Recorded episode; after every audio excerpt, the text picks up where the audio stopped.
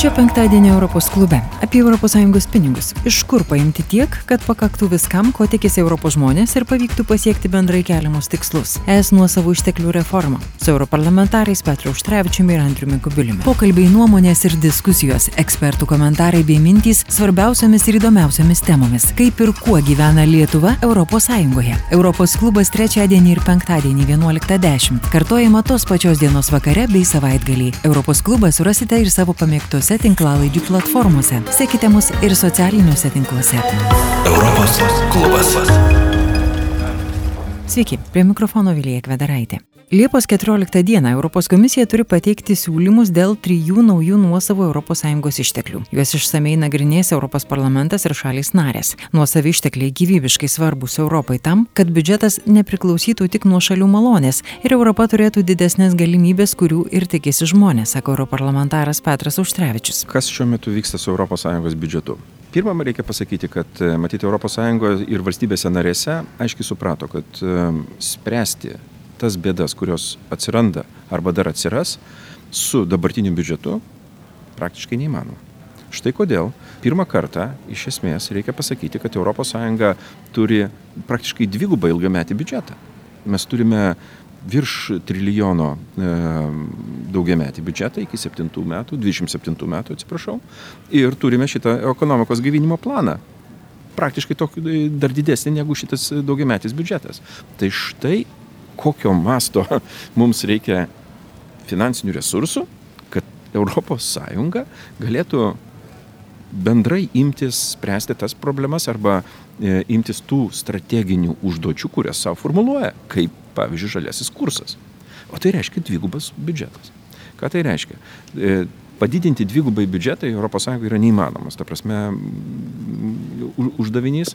Ir aš manau, kad yra galimybė, kad va, tokie va, Europos ekonomikos gyvinimo planai, jie gali būti tiesiami, juos sukuriant specialiai kažkam tai, nežinau, dar paspartinti ir galutinai gyventi žaliai kursą, ar nežinau, kas mūsų čia laukia e, postpandeminė situacija, kuriant vėl sveikatos apsaugos tą sąjungą ir taip toliau. Aš manau, kad mes tikrai nepritrūksime šitų iššūkių, bet Tai yra vienas kelias. Antras kelias - palaipsniui didinti ES biudžetą. Tai dabar yra štai, e, jeigu šiai dienai, sakykime taip, ES biudžetas į jį Europos valstybės narės suneša apie 1,0 procento savo grinųjų nacionalinių pajamų, dabar yra užsibriešta, kad 1,2, čia bus labai tarp kitko didelis e, iššūkis. Kitas klausimas, kaip formuoti biudžetą. Nes pagal dabartinę tradiciją iš esmės ES biudžetas formuojamas tokiu nacionaliniu principu.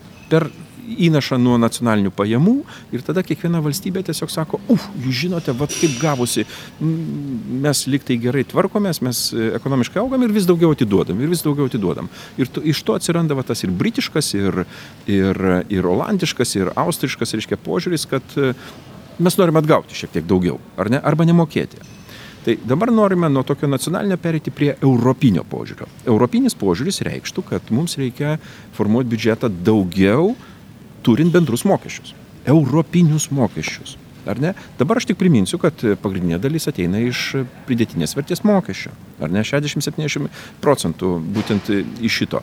Bendri resursai sudaro pff, mažiau negu, mažiau negu 5 kartais ir 4 procentus.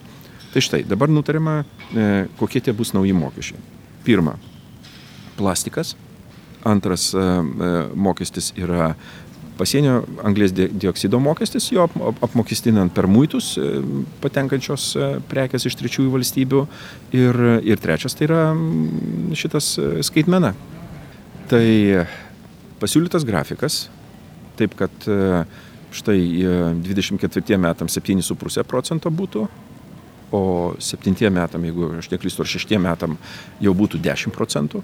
Nuo, Euro... nuo viso biudžeto turite omeny? Nuo, nuo viso ES biudžeto. Kad jie, e, jie auktų ir palaipsniui išstumtų tą nacionalinių grinųjų pajamų principų formuojamus įnašus, ar ne? Kitaip sakant, valstybės narės neturės preteksto sakyti, kad žinot, va, mes atiduodam savo pinigus. Tai bus visai kitas biudžeto formavimas. Nu, toks, sakyčiau, europeizuotas, ar ne? Ir Su tuo matyt susiję taip pat dalykai, kadangi dabar jau biudžetas taip jau skirstumas, sakyčiau, tokiom proporcijom, čia ir klimato kaitai, ir, ir, ir kitiems dalykams, skaitmenai ir panašiai, ta prasme jau įsipareigojimai ir šitie tęsis. Ir tarp kitko šitas toks proporcinis skirstimas nebūtinai bus tik tai 21-27 metų laikotarpiai. Aš manau, kad jisai bus pratestas ir kitam daugiamečiam ES biudžetui. Tai štai ir priimama šitą rezoliuciją, kuri iš esmės ir apibendrina va, tuos dalykus, apie kuriuos mes ir šiuo metu kalbam.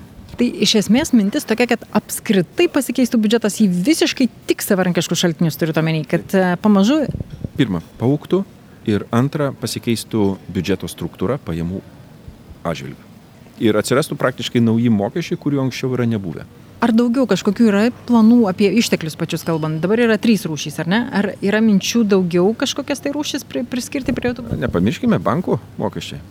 Buvusi tema ir tie, tie mokesčiai nėra pamiršti. Aš manau, kad prie jų bus grįžtama, nes ES reikės labai kūrybingai, žinokite, daryti fiskalinius, tokį fiskalinį prognozavimą, nes, kaip ir minėjau, poreikis europiniam pinigam yra didžiulis. Tai aš manau, kad ties tuo nebus sustojama ir tiesą sakant, va tie skaitmeniniai mokesčiai, kurie čia siutina uh, Google ir kitus ir, ir taip toliau, na, tai buvo labai optimistiniai paskaičiavimai, bet aš manau, kad jie irgi plėsis, irgi plėsis. Europarlamentaras aiškina, kaip veiks ir pasauliniu mastu minimas skaitmeninis mokestis. Tai yra e, tų didžiųjų e, transnacionalinių korporacijų pajamų dalis generuojama Europos Sąjungoje. Tai yra kas? Kad, e, pavyzdžiui, Google turi didžiulį verslą Europoje, ar ne, vienas iš didžiausių platformų ir taip toliau, bet, e, bet moka labai mažus mokesčius.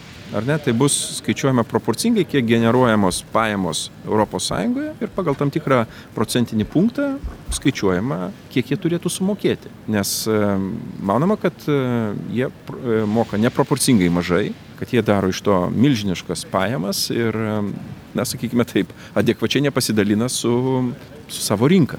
O kadangi transnacionalinės, tai, žinot, jų, kaip sakyt, pagrindinės pajamos ir nusėda tenai, kur jos yra įkurtos. O taip pat mes galbūt dar nepaminėjome pelno mokesčio, ta prasme, va, dėl ko pradėjo G7 grupė kalbėti apie tą pelno mokesčio, nes iš pelno mokesčio taip pat yra e, prognozuojama, kad bus didesnės įmokos. O tai reiškia, kad kai kuriam valstybėm narėms teks pasididinti tą mokestį ir viena iš jų kandidačių yra Airija, kuri baisiai e, priešinasi, reiškia, turėdama 12,5 procento, ar ne, procentinio punkto e, pelno mokestį plus dar tam tikros, ne tam tikros, o labai daug visokių išlygų ir, ir lengvatų numatyta. E, tai mokesčiai kaip visada e, yra super politiniai sprendimai, tai ne, ne finansiniai, tai yra politiniai sprendimai, bet e, tiesą sakant, nėra alternatyvos. Ta prasme, žinant tą poreikį finansinio paramos ES įvairiom programom ir valstybė, valstybėms narėms ateityje, Aš manau, kad reikia pasiruošti labai rimtai diskusijai tiek Lietuvoje, tiek ir ES, kad šitie dalykai, na, kaip skaiti, sulauktų galbūt ir paramos, ir, ir protingų sprendimų, nes atvirai tariant tikrai reikia viską apsvarstyti. Europos klubui pasakojo Renew frakcijos narys Petras Auštrevičius. Kas kart formuojant naują ES septyniarių metų biudžetą vyksta didžioji kova. Didžioji problema - ES biudžetas iš esmės formuojamas iš šalių narių įnašų, pritarė europarlamentaras Andrius Kubilius, prisimindamas ir savo premjeravimo patirtį. Tai vienas klausimas, e, kokiais resursais ES disponuos ateityje. Nu tai, nes mano manimu iš tikrųjų skirtumas tarp to, ką ES įsipareigoja padaryti ir ko žmonės iš jos tikisi, kokiu veiksmu, ir to, kokiais resursais jinai disponuoja, darosi vis didesnis, skausmingesnis ir žmonės dėl to nusivylė ES, kad jinai negali kažko padaryti to, ko jie nori, pati ES frustracijoje tokioje, kad irgi ne, ne, ne, ne, nepavyksta. O tuo tarpu didžioji problema yra ta, kad e, pats ES biudžetas arba taip sakant finansiniai resursai yra iš esmės formuojami iš šalių narių įnašų. Ir Na, nu, kaip buvęs premjeras, aš galiu pasakyti, kad įrašyti į biudžeto, savo šalies biudžeto eilutę, kad dabar va šitos pinigus mes paimsim ir atiduosim ES, nesvarbu, kad tu gauni po to iš ES gal ir daugiau, žymiai daugiau, bet jau pati ta eilutė tau, taip sakant, per kraują atsiduoda. Tai, tai todėl čia tas nuosavų resursų klausimas, jis yra ir kaip išeiti štai iš tos psichologinės e, problemos, kad šaliai numatyti savo biudžete pinigus, kuriuos tu atiduodi kažkur ten Briuselį, psichologiškai yra labai, labai skausminga. Ir, bet jeigu tu primsi sprendimą, kad tie Europos pinigai ateina, nežinau, per ką nors ten, per, per muitus, per, per kažkokius, taip, taip sakant, ten PVMus, ar ten kokius tai mokesčius už plasmasę, ar, ar CO2 tenai ant sienos, ar dar ką nors, tai yra per tuos pinigus, kurių tu savo biudžete nepamatai, o jie nueina tiesiai į į Briuselio, į Briuselio, taip sakant, e, pajamas, tai tas būtų psichologiškai žymiai lengviau. Ir galbūt šitokiu būdu iš tikrųjų pavyktų, pavyktų įveikti va tą problemą, kad ES visą laiką, reiškia, nedrįsta peržengti per 1 procento nuo BVP ribą. Na ir, ir, ir tas, mano manimu, iš tikrųjų tampa didelė problema.